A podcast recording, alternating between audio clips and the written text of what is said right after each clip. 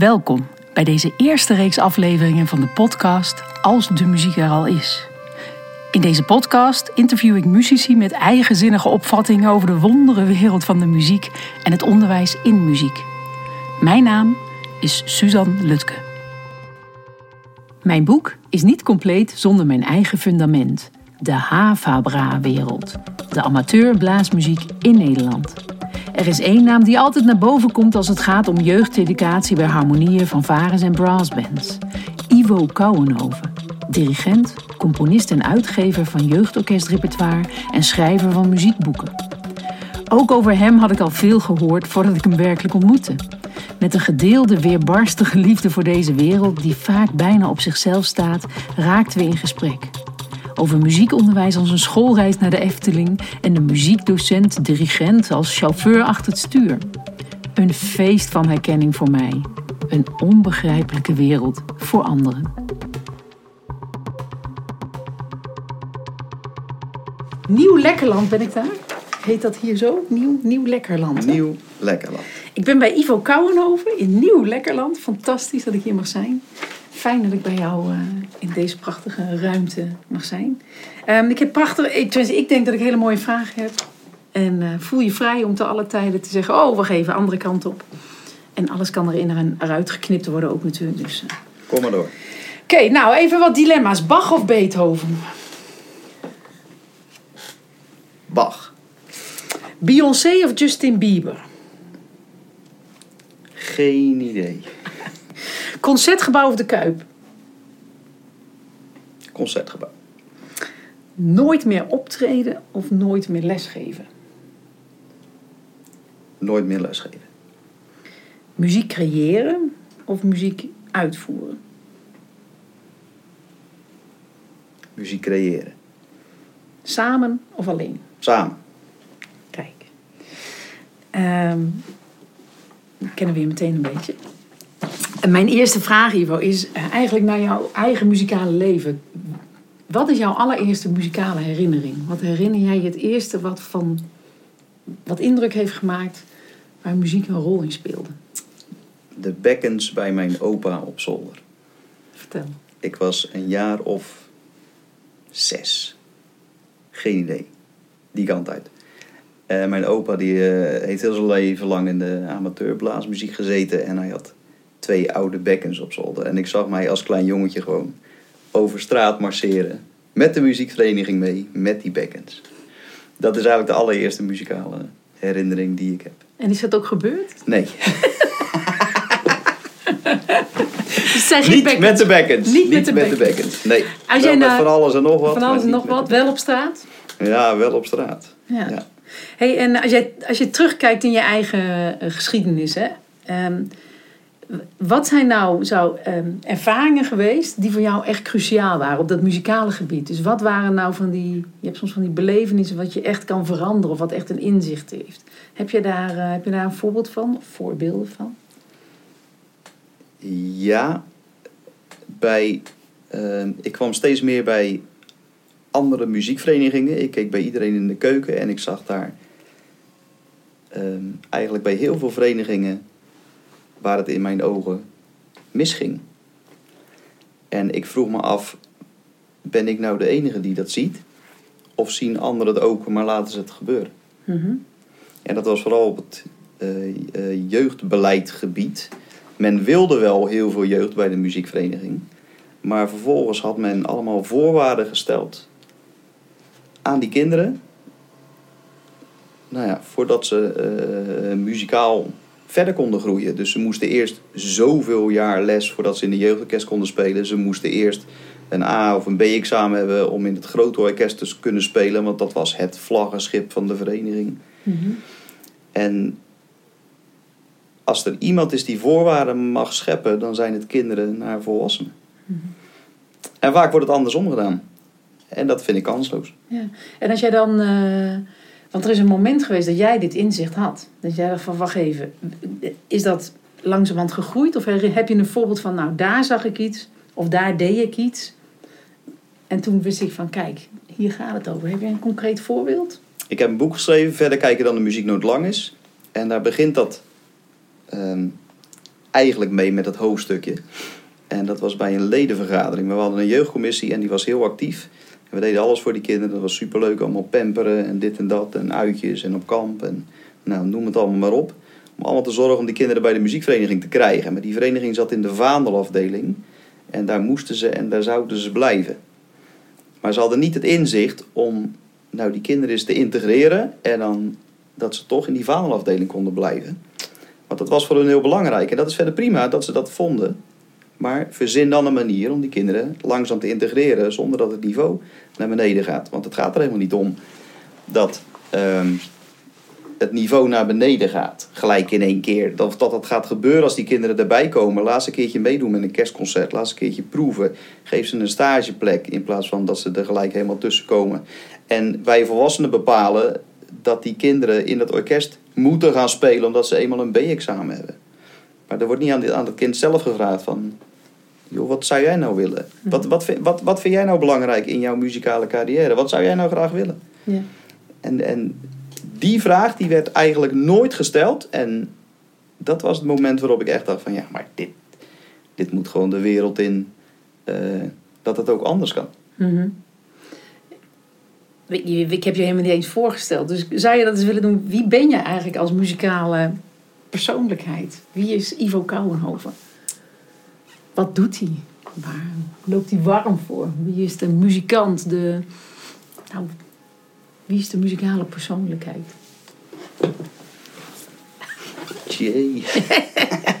Where do I begin? Ja, waar gaan we beginnen? Waar gaan we beginnen?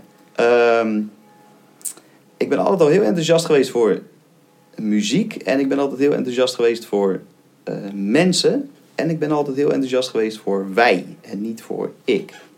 En dat komt misschien ook door de, door de christelijke achtergrond die ik heb. Van dat het gaat om eh, wij. Om even in het, in het christelijke plaatje te eh, eh, blijven. Ehm, Jezus was exclusief, maar denkt inclusief. En zo sta ik ook in het leven en zo sta ik ook met al mijn orkesten waar ik voor sta. Dus of jij nou heel tussen haakjes goed kan spelen of tussen haakjes bijna heel goed kan spelen, daar gaat het niet om. Het gaat erom dat jij lid bent van een muziekvereniging en jij wil het naar je zin hebben. Mhm. En jij wil gezien worden. En het is aan mij als dirigent om jouw kwaliteiten eruit te vissen. En eh, heb jij misschien moeite met klarinet spelen, maar jij kan wel heel goed dansen. Ehm, dan doen wij een muziekstukje waar jij toevallig heel goed op kan dansen. En dan zet je die klarinet even opzij. En dan kom jij even in de schijnwerpers te staan. Ja. Met jouw dansen. En dat is natuurlijk een visie wat natuurlijk niet veel voorkomt, heb ik gemerkt, helaas. Omdat heel veel dirigenten bezig zijn met de partituur tot leven wekken. En daar staat geen danspartij staat erin. Dus ik ben een heel creatief persoon. Ja. En ik zie mogelijkheden en niet eh, eh, onmogelijkheden. En zijn er eh, onmogelijkheden bij een kind waarvan je denkt van nou, dat gaat muzikaal, gaat hem dat even niet worden omdat dat te ingewikkeld is en die, eh, die kennis en kunde, die heb jij op dat moment nog niet. Dan gaan we dat zo aanpakken dat je in ieder geval wel mee kan spelen. Ja. Ik gaf een keer een lezing in België over jeugdbeleid. En een dirigent die zei van... Ja, maar ik ga pas optreden als die kinderen eh, het goed beheersen. Nou, mijn vraag was sowieso, wat is goed beheersen? En mijn eh, tweede vraag was, jij geeft zeker niet heel veel concerten per jaar. En toen zei hij nee. maar als een kind een muziekinstrument in zijn handen heeft, dan gaan we muziek maken. Ja. Maakt niet uit, ook al is het les 1, we gaan muziek maken. En dat hoeft niet altijd van, van, van blad te zijn, juist niet. Eh, een kind leert ook eerst te praten en dan pas schrijven. En dat gaan we met de muziek eh, ook doen. En dan wel de combinatie en-en. Dus niet alleen maar eh, alles uit het hoofd, eh, geen muziek, eh, geen bladmuziek, ook bladmuziek. En gewoon dan dit en dan dat. Ja, dus want het zei je al, dus je, je hebt aan de ene kant heb je gewoon het ambacht wat je aan het, aan het doen bent. Maar jij, jij start, je begint eigenlijk bij een leerling. Wat, wat brengt die binnen? Hè? Hoe, is, hoe is voor jou dan die, ehm, eh, als je naar de ambachtelijke beheersing kijkt, hoe, hoe ga jij daarmee om in jouw orkestrepetities? Ehm, of misschien, je geeft, misschien geef je ook individuele lessen op instrumenten? Nee, niet meer. Niet meer. Nee, Ehm, wegens te, wegens te drukke Ja, agenda. ja, ja, ja, ja. Gelukkig. Ja, precies. Dan kun je kiezen. Want hoe, hoe is voor jou, de, als je naar ambachtelijke beheersing kijkt, welk belang heg, hecht je daaraan? Op wat voor manier, nou, hoe, hoe werkt dat voor jou? Dat is een vraag die ik veel krijg van muziekdocenten. Zeg, ja, maar we kunnen niet muziek maken eh, als we niet ambachtelijke beheersing hebben. Natuurlijk, want anders blijft het in een, eh, eh, nou ja, dan blijft het allemaal zo hangen. Dat krijg ik heel veel terug uit ons, uit ons veld. Ja. Hoe, Maar het gaat om de energie die we uit de muzieknoot moeten gaan halen. Dat is mijn visie. De energie. Er zit in elke muzieknoot. Een muzieknoot is natuurlijk eigenlijk iets. Het, het gaat helemaal nergens over. Het staat op papier, het is een rondje en een stok. Punt. mhm. Meer is het niet. Ja. En, maar er zit energie in. En hoe gaan we die tot leven wekken? En uiteraard komt daar kennis en kunde bij eh, kijken. Maar het komt ook eh, bij kijken de intrinsieke motivatie van... Hoe sta ik erin? Wat wil ik met mijn muziekinstrument? En, en wat vind ik leuk? En om dat allemaal te gaan combineren. ja. En, en zo muziek maken. En het gaat er niet om als je aan het lesgeven bent van ja... Nou ja, die noten die waren nog even fout. Doe dat nog maar even een weekje over. Dat het natuurlijk heel vaak ja. eh, in het verleden zo is gegaan met, met de manier van lesgeven. Maar ja, daar word je als docent niet gelukkig van. En, als leerling ook niet. En wat dan wel, hè? Dus, want dat gebeurt, hè? Dus ik, ik heb ook een jeugdorkest. Nou, dat duurt soms best lang voordat, we zeggen. wa- wa- Wat dan wel? Dus ehm, men kan, wa- wat ga jij doen dan?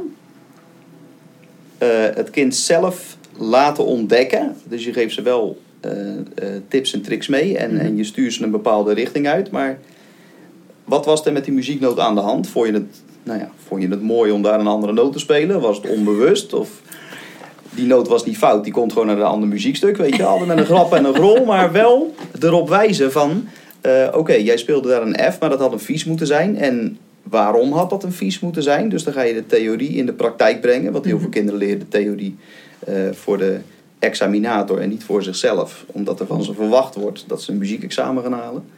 Maar ook dat is eh, in mijn ogen redelijk kansloos. Tot zeer kansloos. Want na het examen dan, dan zijn ze het al heel snel eh, de kennis vaak weer vergeten. Ja. Omdat de kennis, eh, de theorie niet in de praktijk wordt gebracht. Ze krijgen daar niet de ruimte voor om dat te ontdekken. Dus als zij een F spelen waar de vies had moeten staan, gaat dan met het kind kijken van waarom moet er een vies staan? Ja. En gaat dan terug, niet alleen maar omdat hij aan het begin van de sleutel staat, maar dat heeft dan te maken met de afstanden in het toonladder van C en dan toevallig in de toonladder van G. En waar zitten dan die halve afstanden en hoe komt het dan dat de F een vies moet worden? Enzovoort, enzovoort. En zo ga je over muziek praten. Ja, en je, je schrijft ook veel, hè? je arrangeert veel voor jeugdorkesten in allerlei, eh, in, in jouw bedrijf Himalaya Music. Ehm, als je schrijft, want dan sta je er niet voor en dan kun je dat alles wat je nu schetste, wat over contact gaat en de ander zien en hem vragen stellen, wat eigenlijk allemaal communicatie is. Als jij een arrangement schrijft, dan zit jij hier achter je, eh, achter je bureau en dan schrijf je arrangement. Hoe werkt het daar? Hoe, hoe vertaal je dat in je eigen arrangementen? Arrangementen van, eh, van popmuziek, daar is de truc van het weglaten. Het is vierstemmig, ik maak het vierstemmig. En de truc van het weglaten. Als je alles op gaat schrijven wat daar allemaal gespeeld wordt eh, door een popband, nou ja, dan. Is sowieso een hele andere bezetting. Ehm, en door de truc van het weglaten krijg je toch het muziekstuk met de juiste energie.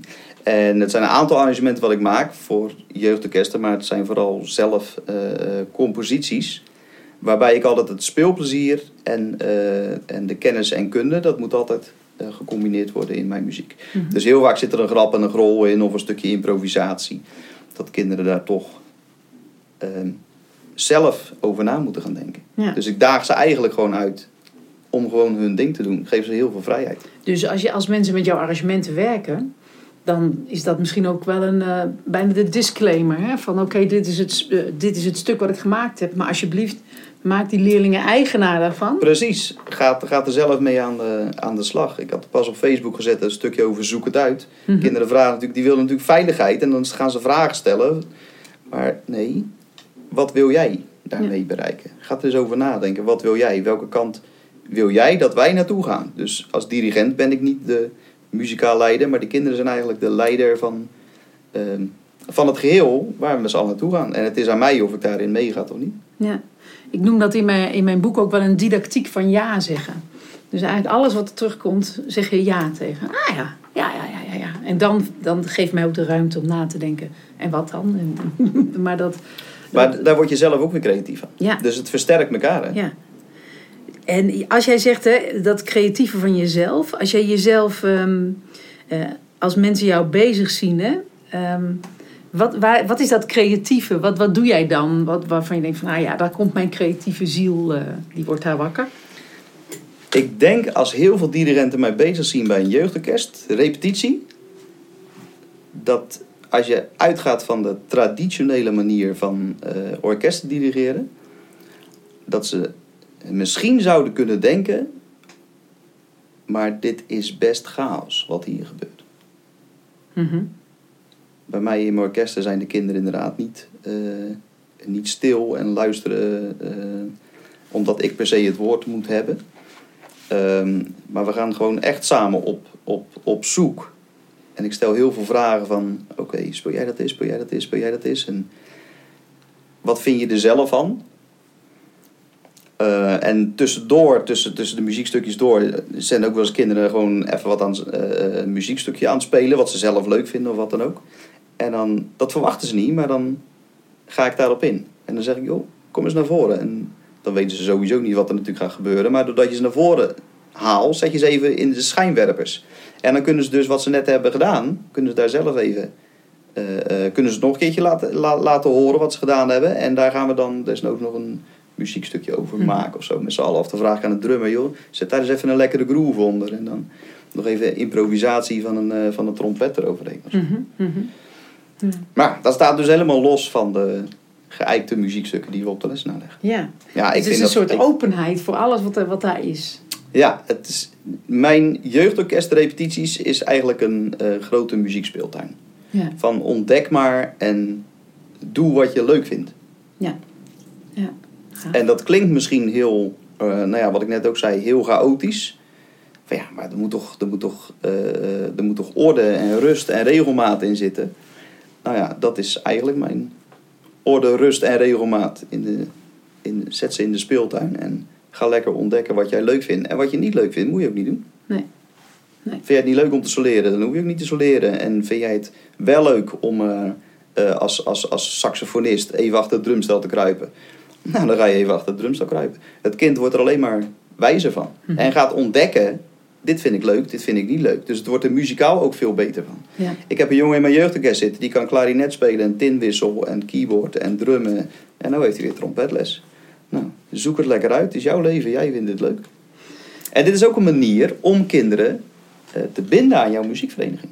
Dus dan zeg je eigenlijk dat flexibiliteit in, ehm, hè, ehm, dat dat wel een belangrijk element is, in ieder geval van waar jij voor staat als, als, als muzikus. Dat als je werkelijk begint bij leerlingen, kun je niet eh, vervolgens een, een systeem, eh, dat kind een systeem indouwen waar hij alleen maar kan doen wat hij moet Nee. doen. Hoor ik dat? Nee, ja, dat klopt. Dat klopt. Ik heb er niet zoveel mee van de docent bepaalt wat een kind moet gaan doen.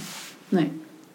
Want hoe wat- vaak hoor je het verhaal niet terug van ja, ik had vroeger muziekles, maar eh, dan, oudere mensen, ik had vroeger muziekles, maar ik moest allemaal liedjes spelen die ik niet leuk vond. En ik moest dit en ik moest dat. Dus er wordt niet aan het kind gevraagd, wat wil jij nou? Ik heb, ehm, ik heb je de lijst gegeven van, ja, van, van de bouwstenen waarop, mijn, ehm, nou, waarop het boek gaat, nou in ieder geval tot nu toe gaat rusten. Ehm, heb jij al kans gezien? Heb je, is, is, komt daar iets uit naar voren en je zegt van ja, dat is echt, nou ja, dat spreekt me echt enorm eraan aan. Zie het kind en niet het instrument. Ja, precies. Dat, Dat is- ja. Dat is eigenlijk de, ehm, de, de, de, de kapstok waar mijn jeugdbeleid op gebaseerd is. Mhm. Mooi. En je merkt het ook bij jeugdfestivals dat. ehm, dus ik dirigeer ook alles uit mijn hoofd, zodat je niet op één plek staat. Ik, ik hoef ook geen bok, gewoon. Ik loop in het orkest en ik. Even meer, meer, minder. En, en dat is ook een hele aparte manier, blijkt, van eh, het benaderen van, van het dirigeren van zo'n jeugdorkest. Ook op een jeugdfestival. Mhm. Want veel dirigenten staan gewoon op hun plek en die hebben een rostrum, een bok en dan gaan ze op staan.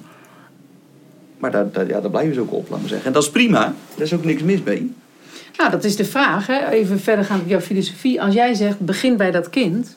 dan kun je je afvragen of een centrale plek waar één persoon staat met een stok om me aan te geven wat er moet gebeuren. Want dat is niet beginnen bij het kind, dat is volgens mij beginnen bij die centrale plek van die Ja. persoon. Dus je kunt je afvragen of dat inderdaad. Ik snap het wel dat het systeem zo is, maar En uiteraard is het wel prettig als iedereen weet wanneer we gaan beginnen. Ja. Op hetzelfde moment. Maar ook met jeugdfestivals. Eh, ik loop geregeld weg en laat die kinderen gewoon lekker spelen. Wat, waarom, waarom zou ik een vierkwartsmaat gaan dirigeren en, en, en muzikale lijnen als ik, als ik achterin een super strakke drummer heb? Ja. En iedereen zit gewoon lekker in de, in de muziek. En het klinkt als een klok. Nou, wat, wat moet ik daar nou voor?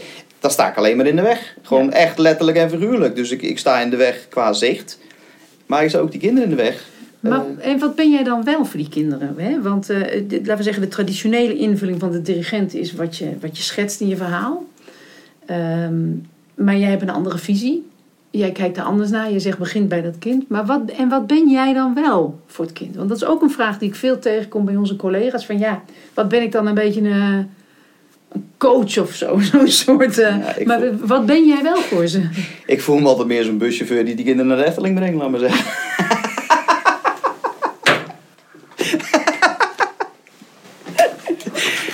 Nou, lekker, eh, lekker professioneel dit. Ja, maar zo, weet je, zo voelt dat. Jo- Jongens, welkom, leuk dat jullie er zijn. En, eh, en, we, en, we, en we gaan muziek maken en, en we zien wel. Heb je wel eens iets teruggekregen van een leerling die iets tegen jou zei, hè, misschien wel na een aantal jaar of zo, die jou weer een keer tegenkwam en die iets tegen jou, die je misschien wel bedankte voor wat je voor hem betekend had?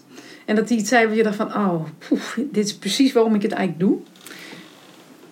Ja, en dat merk ik heel vaak. Ook van ouders komt dat terug, maar ook van, eh, van kinderen zelf. Dat ze altijd zo'n eh, leuke tijd hebben gehad bij mij in het jeugdkerst. En dat ze zo, eh, dat ze zo gezien werden. Weet je, alles, alles kon, alles was mogelijk. En dat is niet arrogant bedoeld, maar kinderen stoppen bij mij meestal niet omdat ze het niet leuk vinden. Niet meer leuk vinden. Dat hoor je natuurlijk heel vaak. Ja, ik stop ermee, ik vind het niet meer leuk. Ja. Maar dat is het meestal niet. En daar ben ik wel trots op. Ja, Dat kinderen stoppen omdat ze gaan studeren el- elders. Of ehm, eh, het de klaar zijn met het jeugdorkest. Ja. Omdat, ze, omdat ze gewoon een, eh, een andere leeftijdsfase zitten. En dat, nogmaals, daar ben ik echt trots op. Want dat vind ik gaaf. Want dat, betekent, dat bevestigt dus dat het kind het prettig vindt om bij mij in het orkest te zitten. Toch die buschauffeur. Dus eigenlijk toch die buschauffeur die ze naar de Efteling brengt. Dus je ik geeft richting. onthouden, ja, ik vind Suzanne. hem wel en mooi. ik ga daar nog wel een keer wat mee doen, denk ik. Ja, ik vind hem wel mooi. Ja. Hey, Vorig en- jaar was ik uitgenodigd om eh, een play-in te dirigeren in eh, België. Een jeugdplay-in. En ik had eh, drie jongens uit mijn jeugdorkest uit Barendrecht meegenomen. Tenminste gevraagd van, joh, ik ben gevraagd om daar te gaan dirigeren in België. Gaan jullie lekker mee? Gewoon even lekker meespelen. Ja, ja, ja, ik wil wel, maar ik moet naar school. Ik zei, nou, dan eh, moet ik naar school bellen. Of ga je zelf tegen school zeggen dat je in het buitenland mag optreden. Dus of je vrij mag. Nou, hij zei, ja, dat doe ik zelf wel. Dus had hij gezegd, dan had hij vrij gekregen. Ja, Nou, dat is toch goud. ja. En dan met z'n allen een afloop naar de McDonald's. Maar ja, in België heb je minder McDonald's dan hier in Nederland. Dus voordat wij een McDonald's hadden gevonden. Ja, dat is echt super gaaf. Maar daar praten ze nu nog over. Ja. Weet je wel? Die gekkigheid in de auto. En, en op de terugweg naar de McDonald's. Nou ja, toen hadden ze, gingen ze patat bestellen. Maar ja, ja, dat was natuurlijk geen patat. Maar friet dan. Of wat ze daar dan ook maar zeggen in België. Ja, dat is... Maar ik vergeet het ook niet meer, weet Nee. je wel. En ook die solo's die ze allemaal krijgen. En in de, in de, in de schijnwerpen staan en gekke dingen dit verhaal wil ik je niet onthouden. Die jongen zit nu nog steeds in het harmonieorkest. Maar die was vroeger zat hij bij mij in het orkest. In het jeugdorkest. En we gingen op eh, jeugdfestival. En dat was een muziekrap die ik had geschreven. Muziek school doe ook eens mee. Noten spelen, ABC. Heel eenvoudig. Maar daar gaat het niet om. Eh, ons optreden was klaar. En ik liet al die kinderen staan. Applaus. En vervolgens zet een drummer in. Gewoon zinnig. En dat jongetje die had eh, dat laatste nummer. Ik zeg, dat speel je niet mee. Dan ga je naar de zijkant. Dan ga je helemaal omkleden. Petje, bril en nog wat. Ik zeg, dan ga je die rap, eh, kom jij op. En dan eh, na de rand heel het jeugdorkest ook een petje op, een brilletje op en dit en dat. Ik zeg, dan ga jij die rap doen. Dat is even vette afsluiter, gewoon eh, de X-Factor. En hij zegt, vlak voordat het voordat het zover was, ons optreden. Hij zegt, Ivo, mag ik op de jurytafel gaan staan? Ik zeg, helemaal goud. Dus hij, ging, hij kwam op en hij gaat bovenop die jurytafel staan. En hij gaat die muziekrap doen. Maar je snapt natuurlijk wel wat er gebeurt. Want die jury die was echt van... Wat dit is toch super vet. En als je zo met jeugdorkesten kan omgaan en die kinderen die vrijheid geven. En hij weet het nu nog. Ja. We zijn 15 jaar verder, maar hij weet het nu nog steeds als de dag van gisteren. Ja. Ja, ja. het- Maar dat is toch out of the box? Ja. Ja, het, en het is beginnen bij de leerling. Maar dan is mijn vraag eigenlijk altijd, ik zeg wel, dat is toch out of the box, maar het, voor mij voelt het niet als out of the box. Voor mij voelt dit als een natuurlijke eh, manier van omgaan met mensen, met kinderen en met muziek. Hm. Alleen omdat het niet in het traditionele jasje pakt, past, is het out of the box. Het is eigenlijk het is gewoon het, zeg maar out of the, het uniform jasje. Maar het is niet... eh, Ja. Ja. Hey, ehm, want we kijken naar de, naar de wereld. Hè, de- en ik denk dat jij ook... Hè, ik zie dat de wereld wel degelijk verandert. De, eh, jonge mensen als mens veranderen niet. Maar de wereld om hen heen verandert wel. Ehm, eh, denk ik. Er zijn misschien andere dingen waar ze mee bezig zijn. Waardoor de mens ook verandert. Want omgevingsverandering zorgt voor gedragsverandering. En wat zie jij dan in de wereld hè, waar jij in, in zit, of in de wereld om jou heen, waarvan je denkt van dat zouden we echt, wij in de muziekwereld, in de muziekonderwijswereld, moeten daar rekenschap van nemen. Wij moeten daar, wat voor trends zie je waarvan je denkt van daar, moet, daar moeten we wat mee, of daar doe ik al wat mee, of eh, hoe kijk je daar tegenaan? Heb je daar ideeën over? Ik ben niet handig met computers en technische dingen allemaal. En die kinderen wel. Veel kinderen wel. Ehm, en kinderen hebben mij ooit leren sms'en. Toen dat net eh, eh, bestond. En kinderen hebben mij leren whatsappen. En eh, nou ja, komt er wat nieuws op de markt, dan vraag ik die kinderen van... joh, help mij eens even met mijn telefoon. Of hoe moet dat, of hoe moet dat. En als je die dingen kan integreren ook in je jeugdorkest. Een klein voorbeeld. Ehm, afstemmen laat ik die kinderen altijd doen. Gewoon met een, met een app op een telefoon die ik ze laat downloaden. En dan kan je zeggen, ja, maar die kinderen moeten toch ook allemaal leren om het dan met hun oren te doen. Ja, dat is ook zo, maar ze moeten eerst eens even kijken hoe werkt het sowieso. Wat gebeurt er als dat pijltje naar links of naar rechts gaat? Oké, hij staat naar rechts, dus is hij te hoog. Dus moet het instrument dan in of uit? Nou ja, allemaal zulke soort dingen. En eh, trends in de wereld die veranderen, dat is, dat is ook met hype zo, weet je met, een- met, met een hula hoop of weet ik veel wat. Dat probeer ik vaak toe te passen in, ehm, in, in, in, in de jeugd, eh, jeugdorkestrepetities en of eh, de concerten. Mhm. Ja, precies.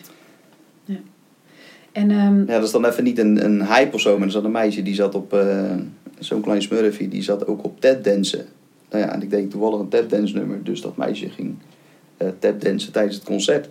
En ik denk als je de wereld, als kinderen hun wereld, ik denk dat dat het is. Als kinderen hun wereld mee mogen nemen naar de repetitie van het jeugdorkest en de concerten van het jeugdorkest, dat je dan niet zit met. ehm, ja, ik haak af, want ik vind het niet leuk, ik vind hier niks. Want die kinderen nemen hun wereld mee naar de, naar de repetitie. Dus wat ze leuk vinden, ze, ze combineren eigenlijk twee dingen. Ze combineren hun wereld wat ze leuk vinden en de muziek wat ze, wat ze leuk vinden. En dan wordt het ook niet iets wat je erbij doet. Wat natuurlijk bij muziekonderwijs echt wel vaak zo is. Hè? Van, dat is dan iets wat een beetje losgezongen is van, eh, van, van, van de rest van hun leven, zeg maar. Ik zit ook op muziekles, maar dan heb ik nog al die andere dingen. Eh, Dit is een interessant interview, Suzanne. Want nu ga je zelf ook nadenken van Ja. wat, wat, ben je eigenlijk aan het doen? En dat is heel goed. ja. Maar zo, zo leer je ook dus om te benoemen wat er eigenlijk speelt. Weet je wel? De, de, ik voel me de buschauffeur naar de Efteling. En ze nemen de wereld mee. Ja. Hun wereld mee naar de repetitie. Ja. Wij lopen allebei, wij rijden allebei het ganse lage landen door om, ehm, nou ja, om lezingen te geven, om, om met groepen jonge mensen te werken en muziek, om, ehm, nou, om de verbinding te zoeken met de muziekonderwijswereld zoals die bestaat. met een boodschap eigenlijk. Ik denk dat we allebei een beetje een predikanten eh, eh, grondslag hebben. Hè? We staan weliswaar niet op de bok voor het orkest, maar eh, we hebben wel degelijk. Ik, heb, ik, ik herken in jou de noodzaak om het wel te vertellen. Als jij nou even op die, op, die kansel zou staan, hè, wat zou je dan aan onze collega's, onze muziekcollega's, al die mensen die te maken hebben met jonge mensen, met muziekonderwijs. Of dat nou op instrumenten is of op wat voor plekken dan ook. Wat voor inzicht waar jij, zou jij echt met ze willen delen? Wat zou je zeggen van jongens? Begin met het kind. En begin niet met jouw conservatoriumachtergrond en heel veel kennis van muziek en muzikale lijnen en, en harmonieleer. En begin met het kind en zie het kind. En vervolgens komt het instrument en vervolgens komt, het, komt, de muziek. Maar als je start met het kind, dan volgt de rest vanzelf wel of niet. En dan is het ook goed. En welke rol speelt jouw eigen muzikale eh, opvoeding wel? Want je bent, je bent een professioneel muzikant. Je, hebt veel kennis, je hebt veel ervaring, je hebt veel kunde. Als je, want je, je eigenlijk eh, zeg je, nou ja, predik je een beetje een terugkeer van de pedagogiek in het muziekonderwijs. We hebben vrij lang op de didactiek gestoeld. Hoe kunnen we iets aanleren aan de ander? Eh, maar jij zegt van, ja, maar begin nou eens bij het kind en begin bij die communicatie. Maar je bent ook muzikus. In die communicatie, welke rol speelt jouw eigen muzikale ehm, eh, ja, inhoud eigenlijk? Hoe werkt dat bij jou? Weet je dat? Eh, Ik vraag het omdat veel muziekdocenten zeggen van ja, dan hoef ik dus helemaal geen muzikant meer te zijn. Hè, er zit ook een soort hiërarchie. Ik ervaar, laat ik het zo zeggen, een hiërarchie, hiërarchie in de muziekwereld. Dat het, eh, het, hoogste doel is muzikant worden. En als dat niet helemaal lukt, word je dan een muziekdocent.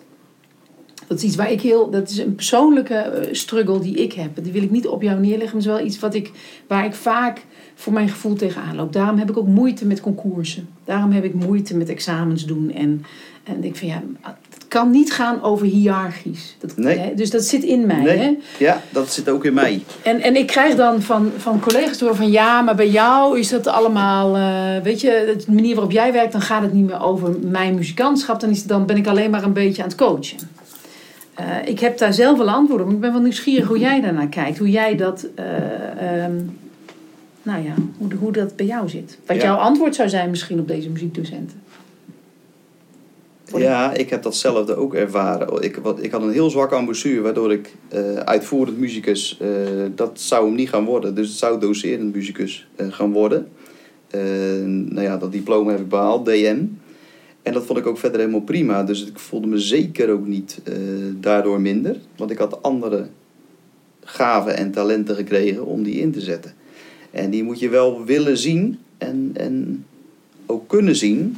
eh, dat dat, weet je, je moet, je moet, een, ehm, je moet een visie hebben. Als je, als je geen visie hebt, ja, dan, weet je, je kan wel een missie hebben, maar als je niet, niet weet hoe je dat, hoe je dat gaat, eh, gaat aanpakken, dan gaat dat hem dat ook niet worden. Mhm. Want heel veel mensen, ja, die, ja, ja, ik zou dat wel graag willen, maar hoe moet ik dat nou gaan aanpakken? En ik denk dat dat heel belangrijk is, dat je, de, dat je voor jezelf nagaat, welke, wa- waar word ik gelukkig van in het leven en wat vind ik leuk? Ik had op het conservatorium was ik al heel veel aan het schrijven voor jeugdorkesten. En een, een medestudent die zei, ja, jij schrijft geen composities, jij schrijft moppies. Dacht, nou ja. A, vond ik het niet zo heel boeiend wat hij eh, op dat moment zei. En, maar je, je denkt er wel over na van, oké, maar waarom zeg jij dat? En waarom is, eh, eh, tussen haakjes, die moppie schrijven, wat is daar mis mee? En dat heeft inderdaad te maken met de, ja, dan wel een visie over muzikale inhoud. Maar mijn visie op mijn muzikale inhoud van mijn composities is dus niet dat het allemaal heel hoogdravend is. Mhm. Maar juist de kunst van het weglaten, waardoor kinderen enthousiast worden gemaakt of blijven voor blaasmuziek. Dat is mijn drijfveer in de muziek. En als je nou, eh, hey, eh, als jij werkt met, eh, al- als we naar onze muziekcollega's kijken, die, die hier naar luisteren straks. ehm, wat moeten zij eigenlijk kunnen om op zo'n manier met kinderen te werken? Eh, wat moeten ze kunnen? Nou, je hebt gezegd heel helder, ze moeten bij dat kind beginnen. Nou, dat vraagt dat iemand überhaupt goed kan kijken, goed kan luisteren en contact kan leggen. Wat moet hij muzikaal kunnen om op zo'n manier, wat jij ook wel als chaos net beschreven, als er iemand van buiten zou binnenkomen, zou ze het misschien wel als chaos zien, zei jij. Wat moet je dan kunnen om, om in zo'n context, zo flexibel, alles gebeurt van alles, al die kinderen hebben allemaal hun eigen inbreng. Wat moet je dan muzikaal eigenlijk kunnen? Of wat kun jij waarvan je zegt dat is wel handig dat ik dat kan? Zijn goede vragen, dit. Muzikaal moet je kunnen luisteren met je ogen. Dat zou je muzikaal tussen haakjes moeten kunnen. Leg eens uit. Ehm, dat is weer het kind zien, maar dat is ook eh, niet uitgaan van wat zie je dus in je, in, je, eh, in je partituur staan, maar wat zie je gebeuren om je heen. En dat in combinatie met de muzieknoot. Dus je, je, je, je hoort geluid, maar wat zie je gebeuren in jouw orkest terwijl je dat geluid hoort? Dus het is natuurlijk niet alleen maar van ja, het is. eh, Oké, maar je, je speelt de verkeerde noot. Of, Mhm. maar, maar hoe zit een, zit een kind erbij? En, en, en hoe is het in relatie tot de buurman, buurvrouw in het geheel in het orkest? Want er wordt natuurlijk maar vanuit gegaan van ja, iedereen heeft zijn eigen plekje en we gaan lekker muziek maken. En iedereen die eh, moet het maar leuk vinden. En, eh, we staan met z'n allen vaak raar te kijken als de kinderen opstappen omdat ze het niet meer leuk vinden. Maar Ja. ik ben niet van de didactische aanpak. Ik ben van de pedagogische aanpak. Ja. En didactiek, dat vind ik niet zo... Weet je wel, tuurlijk moeten ze kennis hebben, maar... ehm, een vriend van mij geeft toevallig les op een lagere school. En in Rotterdam-Zuid. Hele moeilijke school, hele moeilijke omgeving. Dat is het, hele moeilijke eh, omgeving. Ehm, waarbij kinderen het niet makkelijk hebben in de thuissituatie. En ehm, scholen worden beoordeeld op prestaties. Hij zegt maar, ik kan daar niks mee en ik wil daar ook niks mee. Mhm. En ik heb dat eigenlijk precies hetzelfde met mijn jeugdorkesten. Ik kan daar niks mee en ik wil daar niks mee. Nee. Ik wil dat kinderen op een jeugdfestival of op een concert energie uitstralen. Van niet kijk eens hoe goed het is wat wij aan het doen zijn, maar kijk eens hoe leuk het is wat wij aan het doen zijn. Kijk eens hoe leuk wij het hebben met z'n allen, Ja. wat wij hier aan het doen zijn. Goeie vraag. Fijn. hey, ehm, we zijn er bijna. Want jij zegt, het is de terugkeer van de pedagogiek. Hè? Dus het mm, ik en het kind, hè? Of, of de jongeren of die ander. En, die, en dat stuk, hoe krijg ik jou in, in ontwikkeling? Ehm, nou, kijk, een van, de, een van de dingen die ik heel vaak terug hoor, ook in mijn training, is dat mensen zeggen: ja, ja, ja, ja, ik geloof, ja, ja, ik, ik ben in het huis, ik wil dit. Maar hoe dan? Hoe dan? Ehm, en daar deins ik zelf altijd een beetje van terug, omdat het zo is wie ik ben, dat ik, dat ik dan moeite heb met zeggen, Maar dat nou, bijvoorbeeld... eh, Dat is het verhaal. Ja. Je, kan het, je kan het niet leren. Want een. Ja, je kan het wel leren, maar een, de pedagoog ben jij zelf. ja, Weet je, didactiek is. Ik heb kennis, jij hebt geen kennis. Ik zorg dat mijn kennis bij jou komt. En dat gaan we toetsen met examens. En nou ja, heb je het geslaagd, krijg je diploma. En heb je het niet geslaagd, dan doen we nog een keer bijles. En dan doen we het opnieuw. En heb je, ben je dan wel geslaagd, nou ja, dan krijg je bloemen van de vereniging, foto in de krant, iedereen blij.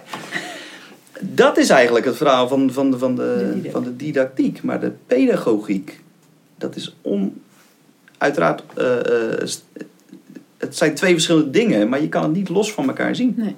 En als jij nou, eh, want, wel, want ze vragen mij vaak, geef dan even een voorbeeld. En jij hebt al veel voorbeelden gegeven. Heb jij ehm, een, een, een, een, toch iets van een werkvorm of iets van, nou weet je, als ik nou nieuw begin ergens, dan doe ik altijd even, doe ik bijvoorbeeld dit en dat, dan, dan zit ik meteen En in de goede vibe. En alles staat stil en de wereld kwam tot stilstand, want Ivo is in de house. Nee. Maar dat is het eigenlijk wel. Ja? Dan doe ik dit en alles staat stil. Want het is niet het woordje verwachting, maar het woordje verwondering. Mhm. En als ik ergens kom voor het eerst, dan zorg ik dat kinderen zich kunnen verwonderen. Waardoor ze gelijk weer. En dat is, dat is, geen, eh, dat is geen spel, dat is geen truc. Dat is Ivo Kouwo. Dus je hebt, eh, laten we, even, kleuren hem even in. Je hebt, eh, jij wordt uitgenodigd. Je weet het niet, je komt in Noord-Groningen bij een jeugdorkestenfestival. En daar zit eh, het jeugdorkest uit Ter Apel. Ik weet niet of die bestaat. En daar zitten twaalf kinderen in de leeftijd 8, 9, 10. Ze hebben allemaal een half jaar, een jaar, misschien twee jaar les. En ze hebben jou gevraagd. Je, hebt je goed, eh, jij komt daar, jij staat daar voor het. Of, je komt binnen. Wat, wat, ga, wat zien we dan? Dan zeg van kijk, eh, dit is dan bijvoorbeeld, hè, dit is niet de manier, maar dit is bijvoorbeeld dan wat ik dan zou kunnen, wat je, wat ik, wat je mij dan ziet doen. Ehm, mijn naam, Ivo Kouwenhoven, is een quasi-product geworden. Eh, net als K3, dat wordt gekoppeld aan, aan, aan muziek voor, voor kinderen. En dat is, dat is mijn naam ook. En heel veel kinderen spelen mijn muziek. Dus ze kennen mijn naam. Mhm. Ehm, en dan kom ik binnen en ik weet nog goed, ik moest een keer een jeugdfestival eh jureren. En dan zie je die kinderen er in de verte, zie je ze fluisteren. Ah, Ivo Kouwenhoven, dat is, ah, dat is Ivo Kouwenhoven. Super grappig natuurlijk. Maar toen op een gegeven moment kwamen ze naar mij toe en toen vroegen ze eh, om mijn handtekening. En toen zeg ik, die krijg jij en dan wil ik jouw handtekening. En dat verwachten ze natuurlijk niet. Ja. Dus het is, het, is het, het, het verwonder, verwonderen Ja. Door het om te keren ook. door het om te keren eigenlijk. Ja. Dat is eigenlijk het verhaal. Eh, als ik, als ik Dus wat we ook doen, wij moeten die kinderen elke keer weer kijken, of, of, of jongeren, of misschien ook wel volwassenen, denk ik steeds vaker. Maar ehm, we moeten iets doen waardoor ze uit hun verwachtingspatroon Juist. gaan. Juist. En wie daar natuurlijk een kei in was, en dat was ook zijn missie, dat was Walt Disney. Die ging alleen maar voor de verwondering. Ja. En dat is natuurlijk bij de Efteling is dat natuurlijk eh, eh, ook zo. We hebben, echt de, de prachtigste metafoor, hebben we. Toch de buschauffeur. Geweldig voorbeeld vorig jaar. Was ik ook weer aan het jureren, een jeugdfestival. Dat vind ik echt te gek om te doen. En dan eh, het liefst zonder punten, want dat Ja. zegt me ook niks. Maar ehm, er was een jongen die was een, een solo aan het spelen op een bas. En ik zat samen met Arjan Dunning. Ja, die snapt het spelletje ook. En ehm, die jongen die was bezig op zijn bas. En op een gegeven moment draait hij zijn lessenaar tijdens de solo. Hij had een paar maal rust. Draait hij zijn lessenaar op naar het publiek. En eh, nou ja, weet je wel, gewoon lekker uit zijn hoofd ging hij verder. En dat was geen eenvoudige solo. En zijn solo was klaar. En ik zeg ah, tegen Arjan, kom op, gaan naar beneden. Want wij zaten dan bovenin eh, om dat te jureren. Dus we gingen naar dat veen. Het was klaar en ik zeg tegen die dirigent, even wachten. Dan neem je gewoon eigenlijk de, de, de, de leiding over, over hun optreden. Dus je onderbreekt heel de boel. Nou ja, dat verwachten ze natuurlijk ook al niet. Hè? En het is natuurlijk vaak eh, afstand tussen jeugdorkest en, eh, en jury. Maar ik maakte er een wij-verhaal van. En ik zeg tegen die jongen, ik zeg, mag ik jouw eh, telefoonnummer? Dus hij schreef zijn telefoonnummer op. Ik zeg, joh, want op maandagavond, ik zeg, daar heb ik jou eigenlijk wel nodig. Ik zeg, in, in een dorpje in, in Zuid-Nederland, Zuidwest-Nederland. Maar hij, hij kwam uit de Achterhoek. En eh, Arjan die zegt, eh, nee, nee, nee, op de woensdagavond dan kom je bij mij spelen. Dus we zaten eigenlijk een beetje aan dit jongetje te trekken. En niemand wist natuurlijk wat er gebeurde. En iedereen lachen. En die ouders die zaten in de zaal. Die vonden het helemaal geweldig. Het was natuurlijk hun kind Ja. die daar eventjes, hè, Ja. even Ja. heel veel veren en slingers en ballonnen kregen. En dat zijn van die momenten dat ze het niet meer, die vergeten ze niet meer. En dat houdt ze enthousiast voor muziek. Dat zijn de, ja, dat is niet gespeeld, weet je wel. Je, je gaat dat niet spelen. Dus misschien terug naar je, de allereerste vraag die ik je stelde. Wat, wat was je eerste muzikale herinnering? Ooit waren er twee bekkens op een zolder. Ja. Die jou, eh, eh, die op een ander moment jou zo'n moment gaven. Dus eigenlijk met die bekkens zag ik een, ik creëerde zelf een wereld Ja. met die bekkens. Ja. Dat is het verhaal waar het om gaat. Dat is het verhaal. En dat doe ik met componeren ook. Je ziet, je ziet gewoon een wereld en met jeugdorkest ook. Je ziet een wereld voor je. En, en hoe ga je daar, moment hoe ga je daar de ander in meenemen? Want we zijn samen op weg naar de Efteling. naar de Efteling.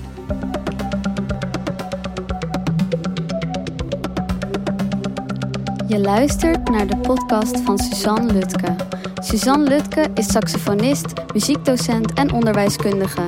Ze heeft een eigen trainingsadviesbureau voor de kunst- en cultuursector en het onderwijs. Deze podcast is gebaseerd op de interviews en gesprekken die Suzanne voerde voor haar nieuwe boek Als de muziek er al is. In dit boek daagt ze muzici en muziekdocenten uit om een ander perspectief in te nemen. Wat gebeurt er als we er niet meer van uitgaan dat de docent de leerling muziek moet leren maken, maar dat de docent de leerling uitdaagt zichzelf muzikaal te ontwikkelen? Wat als de muziek er al is in onze leerlingen? Suzanne nodigt je uit om nieuwe vergezichten te verkennen. Haar boek is nu te koop bij de boekhandel.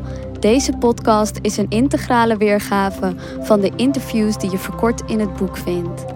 Deze podcast is geproduceerd door Suzanne Lutke en Mirna Attia. Mirna is muzikant, zangeres, producer en sounddesigner. Bekijk en beluister haar werk op www.mirnaattia.com.